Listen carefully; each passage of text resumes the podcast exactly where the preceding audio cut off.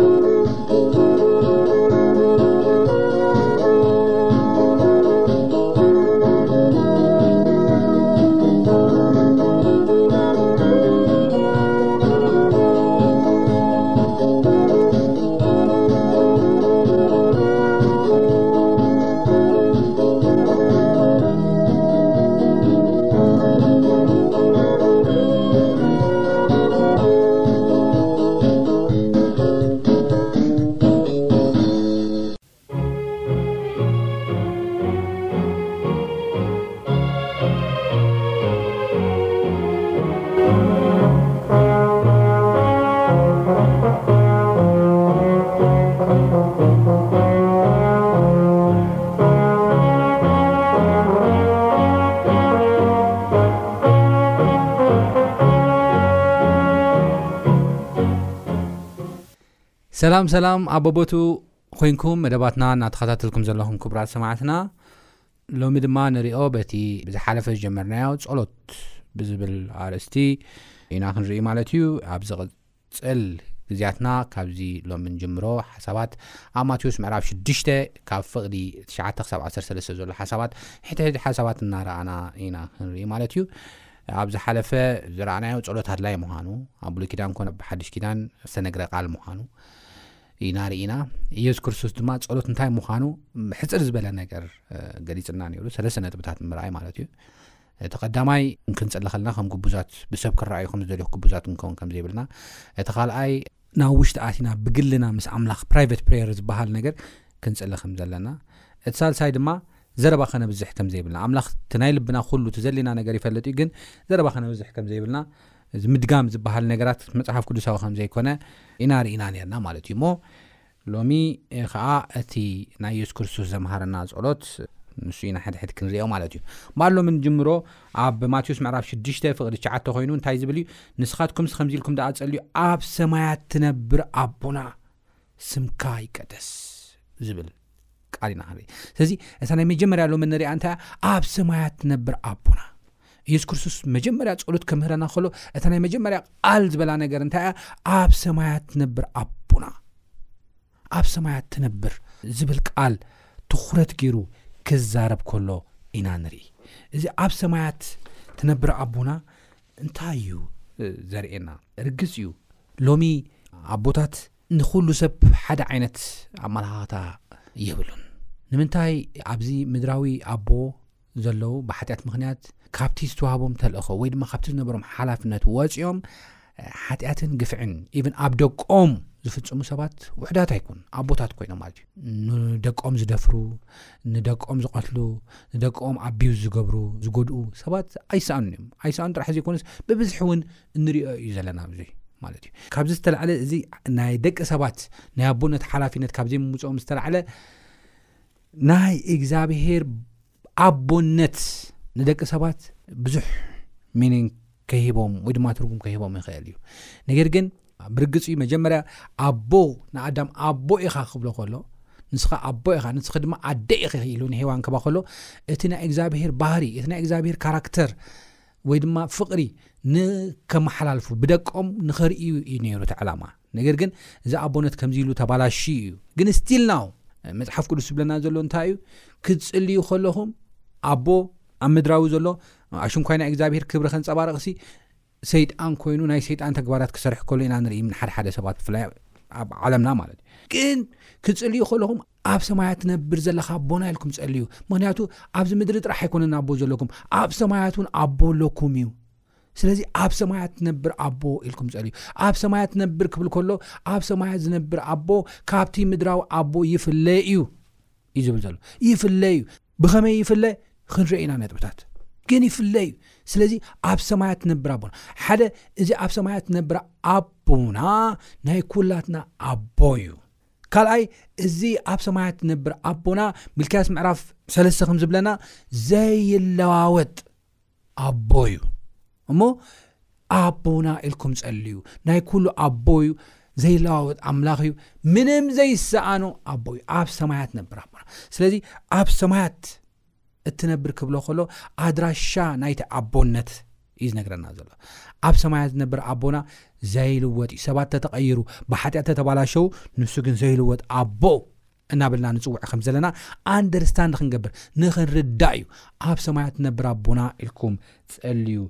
ዝበለ ማለት እዩ እምበር ኣብ ሰማያት ዝነብር ኣቦና ክንብል ከለና ዘመላኽቶ ወይ ድማ ዘረዳእና ነገር እንታይ እዩ ክንብል ከለና ተቐዳማይ ናይ እግዚኣብሄር ፍጽምና እዩ እዚ ጥቕሲ እዚ ኬድና ኣብ ንርእየሉ እዋን እግዚኣብሔር ፍጹም ምዃኑ፣ ኣብ ሰማያት ዝነብር ኣቦ ፍጹም ምዃኑ ኣብ ማቴዎስ ምዕራፍ ሓሙሽተ ፍቕዲ ኣርብዓን ሸሞንተን ተጠቒሱ ንረኽቦ ኢና። እንታይ ይብል? እምበኣርከ ከምቲ ሰማያዊ ኣቦኹም ፍጹም ዝኾነ ንስኻትኩም እውን ፍጹማት ኩኑ ይብለና። ፍጹም እዩ። ንሱ እንታይ እዩ? ፍጹም እዩ። ብጣዕሚ ዝገርም ሓሳብ እዩ እዚ። ምንም እንከን ዘይብሉ ፍጹም ጎደሎ ዘይብሉ እዚ እዩ ድኻሙ ኢልካ ዘይትጽውዓሉ ፍጹም ኣቦይ ብፍቕሪ ፍጹም ኣቦይ ኣብ ከለኹ ማቴዎስ ምዕራፍ ሓሙሽተ ፍቕዲ ኣርባዓን ሸሞንተን እታ ዘንበብክዋሲ እንድያም ኣብ ከለኹ ክገልጻ ይደሊ ከምቲ ሰማያዊ ኣቦኹም ፍጹም ዝኾነ ንስኻትኩም ፍጹማን ኩኑ እዩ ዝብል ናይ ሰማይ ኣቦኹም ፍጹም እዩ እቲ ሓሳቡ እቲ ሙሉእ ሓሳቡ ክንሪኦ ከለና ናይ እግዚኣብሔር ኣምላኽ ፍጽምና ኣብ ማቴዎስ ምዕራፍ ሓሙሽተ ፍቕዲ ኣርባዓን ሸሞንተን ኬድና ክንሪኦ ከለናስ ሓጢኣተኛታት ብምፍቃር ንዕኡ ዘምልኹ ኮነ ንዕኡ ዘየምልኹ ብማዕረ ኣብ ምፍቃር እቲ ዘድልዮም ነገር ኣብ ምሃብ ይቕረ ኣብ ምባልሲ ፍፁም እዩ ቂምታ ነገርስ የብሉን ኣብ ውሽጡ እዩ ዝብል ዘሎ ጎደሎ ትብሎ እዚ ጎደሎ ትብሎ ነገርስ የብሉን እዚ ምስ ባህሪ ተሓሒዙ እዩ ዝብለና ዘሎ ምስ ይቕረታ ተሓሒዙ ዝብለና ዘሎ ናይ ኣምላኽ ፍፁምና ዝገልፀና ዘሎ ግን ካብዚ ንላዕሊ ብሓያልነቱ ብኩሉ ከኣልነቱ እቲ ዘለዎ ክብርን ሓይልን ፍፁም እዩ ኣምላኽና በቲ ዘለዎ ኩሉ ነገር ኣምላኽና ፍጹም እዩ እሞ ኣብ ሰማያት ትነብር ኣቦና ክትብሉ ከለኹም ፍጹም ኣቦ ከም ዝኾነ ካብዚ ምድራዊ ኣቦ ዝፍለ ምዃኑ ናይ ኩላትና ኣቦን ሃብታምን ለጋስን ይቕረ በሃልን ንዝበደልዎን ሓጢኣተኛታትን ድማ ዘፍቅር ምዃኑ እናረኣና ኢና ግን ክንርድኦ ዘለና ኣብ ሉቃስ ምዕራፍ 11 ፍቅዲ 13 ናይ ሰማያዊ ኣቦ ናይ ምድራዊ ኣቦና ንኣፂሩ ክዛረብ ከሎ ንርኢ ማለት እዩ እንታይ ይብል ሉቃስ መዕራፍ 11 ፍቕዲ 13 እምበኣርሲ ንስኻትኩም እኳ ክፉኣት ክነስኹም ይብለና እምበኣርሲ ንስኻትኩም እኳ ክፉኣት ክነስኹም ንደቅኹም ፅቡቕ ህያ ምሃብ ካብ ፈለጥኩም እቲ ኣብ ሰማይ ዘሎ ኣቦ ግዳ ንዝልመንዎ ክንደይ ኣብዚሑ መንፈስ ዘይሂቦም ይብለና ኣነፃፂሩ ይዛረብ ዘሎ ኣብ ምድራዊ ዘለኹም ኣቦታት ክፉኣት ኢኹም ክፉኣት ክብለና ከሎ ንደቅኹም ክፉእ ኢኹም ገብሩ ኩላትኩም ማለቱ ኣይኮነን መጽሓፍ ቅዱስ ካብ ሓጢኣት ዝተላዕለ ናይ ደቂ ሰባት ኣፈጣጥራ ወይ ድማ እቲ ድሌታት እቲ ተሓሳስበኦም እቲ ባህሪኦም ብምሉኡ ተቐይሩ እዩ ፐርቨርስ ኮይኑ እዩ ተገልቢጡ እዩ ተቐይሩ እዩ ካብቲ እግዚኣብሄር ዝፈጠሩ ዝተገልቢጡ እዩ ንኣብነት ካብ ኣፈጣጥራ እኳ ክንመፅ ተተኽኢልና እግዚኣብሄር እቲ ዝፈጠሮ ወዲ ሰብ ጠንካራን ሙሉእ ጥዕና ዘለዎን ነዊሕ ዓመት ዝፀንሕን ኣእምሮኡ ድማ ሻርፕ ዝኾነን ኣፈጣጥራ ገይሩ ይፈጢርዎ ኣብዚ ግዜ እዚ ግን ንርእየሉ ነገር ሓጢኣት ምስ ኣተወ ድሕሪ ኣሽሓት ዓመታት ድሕሪ 6ዱሽተ ዓመታት ሓሊፍና ብ ንርእየሉ እዋን ግን ናይ ደቂ ሰባት ዓመት ሓደት ንኢሱ እዩ ሰብዓ ሰማንያን ተነውሐ ሚእቲ ሚእትን ዓሰርተን እዩ እግዚኣብሔር ነዚ ዕላማ እዚ ኮነን ፈጢርና ነሩ ክፈጥረና ከሎ ድልዱላት ገይሩ ይፈጢርና ክሳብ ክንደይ ሓጢኣት ኣዳኺምና ከም ዘሎ ኣካላዊ ሂወትና ንባዕሉ ኢና ንርኢ ማለት እዩ ካብዚ ብተላዕለ ኣብቲ ኣእምሮ ኣተሓሳስብኡን ከና ክንርኢ ከለና እቲ ናይ ኣእምሮ ሻርፕነስ እውን ደቂ ሰባት ሕጂ እቲ ኣእምሮኦም ሲ ኣብ ዘመን ሂወቶም ንዝጥቀምሉሲ ዳርጋ ሓደ ፐርሰንት ንባዕሉ ኣይኣክልን እዮም ዝብሉ እዞም ናይ ሎም ምሁራት ኬና ክንርኢ ከለና ሓደ ፐርሰንት ናይቲ እምርኡስ ኣይጥቀምሉን እዮም እዚ ካበይ ዝተላዕለ እዩ ክንብል ከለና ካብቲ ሓጢኣት ዝተላዕለ እዩ ስለዚ ከቢድ እዩ በቃ ኣደንዚዝና እዩ ሓጢኣት ክንብል ንኽእልና ንዚ ጥራሕ ኣይኮን ሃፒታይትና ንባዕሉ ሃፒታይትና እቲ ሸውሃትና ንባዕሉ እግዚኣብሄር ዝፈጠሮ ምግብታት ከመይ ዝኣመሰለ ምግብታት ጥራጥረን ኣሕምልትን ፍራፍረን እናሃለወ ደቂ ሰባት ግን ፐርቨርስ ተገይሩ ንኣምላኽ ዘየኽብርን ንጥዕናውን ጽቡቕ ዘይከውን ነገር ሰባት ክፈትውን ከፍቅሩን ኢና ንርኢ ላይክ ሽጋራ ጫት ኣልኮላዊ መስተ ከምኡውን እዚ ናይ ኣምላኽ ዝፈቐዶም በዓል ሓሰማ ግመል እዚታት ሰባት ክምገቡ ብፍቕሪ ድማ ክበልዑ ከሎ ኢና ንርኢ እዚ እቲ ሃፒታይቶም ብሸውሃቶም ብሓጢኣት ስለ ዝተገልበጠ ይምና እምበር ናይ ኣምላኽ ፍቓድ ስለ ዘይኮነ ኣይኮነን ንሱ ጥራሕ ኣይኮነን ባህሪ እውን ተርእና ኣምላኽ ኣፍቀርቲ እንከውንና ፈጢርና ነይሩ ነገር ግን ሰባት ሕነፈደይቲ ቂምተኛታት ተባኣሲ ግፍዒ ዝፍፅሙ ዕቡያት ኮይኖም እዮም እዚ ብምሉእ ሓጢኣት እንታይ ገይርዎ እቲ ማንነትና ፐርቨርስ ገይርዎ እዩ ስለዚ ካብዚ ዝተላዓለ እዩ ኣብ ሉቃስ ምዕራፍ 1113 ክብለና ከሎ ንስኻትኩም ክፉኣት ክነስኹም ክብል ከሎ ናይ ልቢ ደቂ ሰብ ብተፈጥሮ ሕጂ ብሓጢኣት ሓጢኣት ብዝወረሶ ብዘምፅ ተፈጥሮ ኤርምያስ ምዕራፍ 17 ፍቅዲ ሸ ከይና ንሪኢ ኣለዋን ናይ ሰብ ልቢ ኣዝዩ ጎራሕን ተንኮለኛን ክፉኡን ይብለና ስለዚ ባይት ነቸር ሓጢኣት ብዘምፀልና ብስርሓና ተፈጥሮ ክፉእ ልቢ ኮይኑ እዩ ማለት እዩ ክፉእ ልቢ ዘለዎ ከዓ ክፉእ እዩ ዝበሃል ንዑ ኢሉ እዩ እምበር እዚኦም ሰባት እዚኦም ንደቆም ሕማቅ ይገብሩ ማለት ኣይኮነን ኩሎም ሓደሓደ ክገብሩ ክእሉ እዮም ብርግፅ እሞ ከምኡ እዩ ዝብል ዘሎ ማለት እዩ ስለዚ ንስኻትኩም ክፉኣት ክነስኹም ወይ ድማ ሓጢኣት ኔቸር ናሃለወኩም ብሓጢኣት ኔቸር ብሓጢኣት ተፈጥሮ ዘንቢልኩምን ተፈጥሮኹም ተቐይሩ ከሎን ንደቅኹም ጽቡቕ ህያብ ካብ ፈለጥኩም፣ እቲ ኣብ ሰማይ ዘሎ ኣቦኹም ግዳ ንዝልምንዎ ክንደይ ኣብዚሑ መንፈስ ዘይህቦም። ኣብዚኣ ዝደልያ ነገር እቲ ኣብ ሰማይ ዘሎ ኣቦኹም እዩ ዝብሎም ዘሎ። ኣብ ሰማይ ዝነብር ኣቦ እሞ ከዓ እቲ ፍጹም እንከን ዘይብሉ ቂምታ ዘይብሉ ብባህሪ እንከን ዘይብሉ ብኩሉ ነገራቱ ፍጹም ዝኾነ ኣምላኽ ክንደይ ኣብዚሑ ንዝልምንዎ መንፈስ ቅዱስ ዘይህቦም ኢሉ ክዛረብ ከሎ ኢና ንርኢ። ስለዚ ኣነጻጺሩ ክዛረብ ከሎ ከም ዘይራኸቡ እዩ ዝዛረበና ኣይራኸቡን ናይ ምድራዊ ኣቦን ናይ ሰማያዊ ኣቦን ከነራኸቦ የብልናን ናይ ሰማያዊ ኣቦና ፍጹም እዩ ብኩሉ ነገር ብልግስኑ ብምሕረቱ ብይቕር በባህልነቱ ብኩሉ ክጠቕሶ ዘይከኣልኩ ሕጂ ነገር እዚ ክፍኣት ዘይብሉ ዘዳጊ ምዕራፍ 32 ፍቕዲ ኣርባዕተ ከይድና ኣብ ንሪእሉ እዋን ኩሉ መንገዱ ፍርዲ እዩ ይብለና እቲ ከውሑ ግብሩ ፍጹም እዩ ዓመፅ ዘይብሉ ዓመጽ ዘይብሉ ኣምላኽ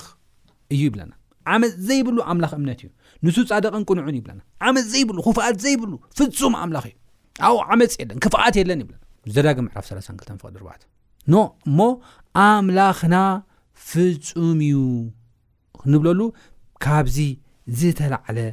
እዩ ማለት እዩ እሞ ኣብ ሰማያት ትነብር ኣቦና ክንብል ከልና እቲ ኣብ ሰማይ ዝነብር ኣቦና ግሩም ኣምላኽ ምዃኑ ፍፁም ኣምላኽ ምዃኑ ክንዝክርን እናዘከርና ድማ ሽሙ ክንፅውዖን ከም ዘለና እምነት ዝህበና ወይ ድማ መልእኽቲ ዘመሓላልፈልና እዩ ማለት እዩ እቲ ካልኣይ ኬና ንሪእየሉ እዋን ክቡር እዩ ዓብዪ ኣምላኽ እዩ ይብለና መፅሓፍ ቅዱስ ኬና ንሪእየሉ እዋን ዓብዪ ኣምላኽ ዝኸበረ ኣምላኽ ክብሪ ዝግብኦ ኣምላኽ እዩ ብለና እቲ ኣብ ሰማይ ዝነብር ኣቦና ክኢልና ክንፅሊ ከለና ሲ ኣብ ሰማይ ኣብ ላዕሊ ሓሳበይ ከም ሓሳብኩም ኣይኮነ ሓሳበይ ሰማይ ካብ ምድሪ ከም ዝርሕቕ ሲ ከምኡ ዝርሓቐ እዩ ብለና እቲ ናይ ፍቕሪ ሓሳቡ ሲ ምሳናስ ዘይራኸብ በቃ ኣዝዩ ናይ ፍቕሪ ሓሳብ ከም ዝኾነ ንሕና ኢብን ክንርድኦ ዘይንኽእል ሓሳብ ከም ዝኾነ ኢና ንርኢ ስለዚ ልዑል በተሓሳስብኡ ብኩሉ ነገር ፈጣሪ ምሳና እውን ክነፃፀር ኣይክእልን እዩ ኦቨርኦል ምስ ደቂ ሰባት ምንፃረይ ንባዕሉ ኣነ ሓድሓደ ግዜ እናተሰማዓኒ እየ ዝዛረብ ዘለኹ ምናልባት ብሰብ ቋንቋ መፅሓፍ ቅዱስ ስለተፃሓፈ ንዓና ድማ ክረድእ ምናልባት ዘለዎ ኣማራፂ እዚ ስለ ዝኾነ እዩ ምሰብ ነነፃፅሮ ዘለና በር ኣምላኽ ምሰብ እውን ዝነፃፀር ኣይኮነን እሞ ኣብዚ ቃል እዚ ከድና ክንሪኦ ከለና ክቡር ክብሪ ዝግበኦ ዓብዪ ኣምላኽ ምዃኑ ኢና ንርኢ ማለት እዩ ስለዚ ኣብ ሰማያት ትነብር ኣቦና ክንብል ከለና ዓብዪ ኣምላኽ ዘዳግ ምዕራፍ 33 ፍቅዲ 26 ሲ እንታይ ይብለና ከም ዝብል ሓሳብ ንረክብ ወ ይሽሩን ነቲ ንርድትካ ብልዕልንኡ ኣብ ደበናታት ኣብ ሰማያትን እተወጥሐ ኣምላኽ ዝመስሎ የልቦን ይብለና ዝመስሎ የልቦን ልዑል እዩ ክቡር እዩ ክብሪ ዝግበሎ ሓያል እዩ ይብለና ስለዚ ወይ ሽሩን እቲ ንረድኤትካ ሕጂ ናይ እግዚኣብሄር ልዕልና ግን ንዓና ንረድኤትና ብልዕልንኡ ኣብ ደባናታት እዩ ዘሎ ኣብ ሰማያት እተወጥሐ ኣምላኽ ዝመስሎ የልቦን ይብለና ዓብይ እዩ ሓያል እዩ ክብሪ ዝግበኦ ይብለና ዳዊት ብተመሳሳሊ እንታይ ኢሉ ይዛረብ ኣብ መዝሙር ምዕራፍ 113 ፍቕዲ 4 ክሳብ 6 ሲ ከም ዝብል ቃል ኣሎ ብዛዕባ ኣምላኽ ዕቤት ብዛዕባ ኣምላኽ ክብሪ ክዛረብ ከሎ ማለት እዩ መዝሙር ምዕራፍ 113 ፍቕዲ 4 ክሳብ 6 ከምዚ ብለና እግዚኣብሔር ኣብ ልዕሊ ኩሎም ኣህዛብ ልዑል እዩ ልዑል እዩ ስለዚ ኣብ ሰማያት ትነብር ኣቦና ኢልና ክንሓስብ ከለና ብዛዕባ ልዕልና ኣምላኽ ኢና ክንሓስብ ዘለና ልዑል ኣምላኽ ኢና ንፅውዕ ዘለና እዩ ልዑል ይብለና ክብሩ ኸኣ ኣብ ልዕሊ ሰማያት እዩ እቲ ኣብ ልዕሊ ዙፋን እተቐመጠ ናብ ሰማይን ናብ ምድርን ከ ኣንቆልቂሉ ዝጥምት እግዚኣብሔር ኣምላኽና ዝመስል መን እዩ ይብለና ንዑ ዝመስል እሞ መን እዩ ይብለና መዝሙር ዳዊት ከድና ክንርኢ ከልና ማለት እዩ ሰለሙን ብዛዕባ ልዕልናን ብዛዕባ ዕቤት ኣምላኽን ገሪምዎ ዝፀሓፎ ጽሑፍ ብጣዕሚ ዝገርም ጽሑፍ እዩ ኣብ ቀዳማይ ነገስት ምዕራፍ ሸሞንተ ዘሎ ልዑል ዝብል ቃል ንባዕሉ ክገልፀሉ ስለ ዘይከኣለሲ እንታይ ኢሉ እዩ ዝገልፆ ሰለሙን ኣብ ቀዳማይ ነገስት ምዕራፍ ሸሞንተ ፍቅዲ 27 ግና ኸ ብሓቂ ዶ ኣምላኽ ሲ ኣብ ምድሪ ይነብር እዩ እንሆ ሰማይ ሰማያትን ክሕዙኻ ኣይክእሉን እዛ ኣነ ሎሚ ስራሕኽዋ ቤት ደኣ ግዳ ክንደይ ዘይትንእስ ይብለና ሰማየ ሰማያትን ክሕዙኻ ኣይክእሉን እዮም። ልዑል ካብ ምዃንካ ዝተላዕለ፣ ዓብዪ ካብ ምዃንካ ዝተላዕለ፣ ኣዝኻ ዝኸበርካን ዝተፈራኻን ካብ ምዃኑ ዝተላዕለሲ ሰማየ ሰማያት ንባዕሉስ ክሕዙኻ ኣይክእሉን እዮም። ዓብዪ ኢኻ፣ ኽቡር ኢኻ እዩ ዝብሎ ዘሎ። ስለዚ ኣሕዋተይ ኣብ ሰማያት እትነብር ኣቦና ኢልና ክንፅውዕ ከለና ልዕልና ኣምላኽ እናሓሰብናን እናዘከርናን ልዕልና ኣምላኽ እናተገንዘብናን ዕቤት ኣምላኽ ዝመስሎ ዘይብሉ ክቡር ኣምላኽ እናጸዋዕና ከም ዘለና ክንርዳእ ንክእል ኣለና። ፍጹም ጥራሕ ኣይኮነን ኣምላኽና ፍጹም ኢልና ኢና ኣብ ሰማያት ትነብር ኣቦና ክንብል ከልና ፍጹም ሰማያዊ ኣምላኽና ፍጹም ምዃኑ ማቴዎስ ምዕራፍ 5 ፍቅዲ 48 ከምኡን ኣብ ዝተፈላለዩ ጥቕሲ ርኢና ኢና ፍጹም ጥራሕ ግን ኣይኮነን ልዑል ኣምላኽ ክብሪ ዝግብኦ ኣምላኽ እዩ ዝብለና ዘሎ ኣብ ሰማያት ትነብር ክብለና ከሎ ማለት ኢየሱስ ክርስቶስ ከምረና ከሎ ኣቀራርባና እውን ኣብኡ ከለና ከነስተኻኸል ማለት ብጸሎት ክንቀርብ ከለና ናብ መን ኢና ንጽውዕ ዘለና ናብ መን ኢና ኣድራሻን ደብዳቤ ንልእኽ ዘለና እውን ኣብኡ ከለና ኣንደርስታንድ ክንገብር ኢና የሱስ ክርስቶስ ኣብ ሰማያት ትነብር ኣቦና ኢሉ መጀመርያ ጀሚሩ ዝጸሓፈ ዘሎ እቲ ትጽልዮ ሽሙ ትጽውዖ ኣቦ እግዝኣብሄር ኣምላኽ ኣብ ሰማይ ዝነብር ፍጹም ኣምላኽ እዩ ልዑል ኣምላኽ እዩ ዝመስሎ የብሉን ስለዚ እዚ ኣንርሳ እናገበርካ ቅረብ ሽሙ ጸውዕ እዩ ናይ የሱስ ክርስቶስ ኣመሃራ ጸሎት ናይ መጀመር እዩ ኢሳያስ ናይ መወዳእታ ጥቕሰይ ኣብ ኢሳያስ ምዕራፍ 6 ፍቕዲ ሓደ ዘሎ ሓሳብ ከንብቦ ይደሊ በታ ንጉስ ኡዝያ ዝሞተላ ዓመት ኣነ እግዚኣብሄር ኣብ በሪኽን ልዕል ዝበለ ዙፋንን ተቐሚጡ ኸሎ ረኣኹዎ ዘፈራት ልብሱ ኸኣ ነቲ መቕደስ መሊእዎ ነበረ ይብለና ኣዝዩ ግርማን ክብርን ብሕልሚ እዩ ዝሪኦ ዘሎ ኢሳያስ ንእግዚኣብሔር ሓደ እኳ ዝረኣየ የለን ንየሱስ ክርስቶስ እዩ ሪኦ ኣብ ዙፋን ተቐሚጡ ዘፈራት ልብሱ ከዓ ነቲ መቕደስ መሊእዎ ርእዮ ክብለና እቲ ልዑል ግሩም ኣዝዩ ዝኸበረ ኣምላኽ ማለት እዩ እቲ ናይ መወዳእታ ኣብ ሰማያት ትነብር ኣቦና ዝብል ቃል ናይ መወዳእታ ክፋል ኣብ ዝቕፅል ሒዘልኩም ክቐርበ ግን ሕጂ እውን ክደግሞ ዝደሊ ኢየሱስ ክርስቶስ ጸልዩልናይ ከምቲ ንሱ ዝበለና ዘረባ ብዘይምድጋም ከም ግቡዛት ብዘይምዃን ንበይንና መጺእና ገዛና ዓጺና ብስውር ሽም ኣምላኽ ክንጽውዕ ከለና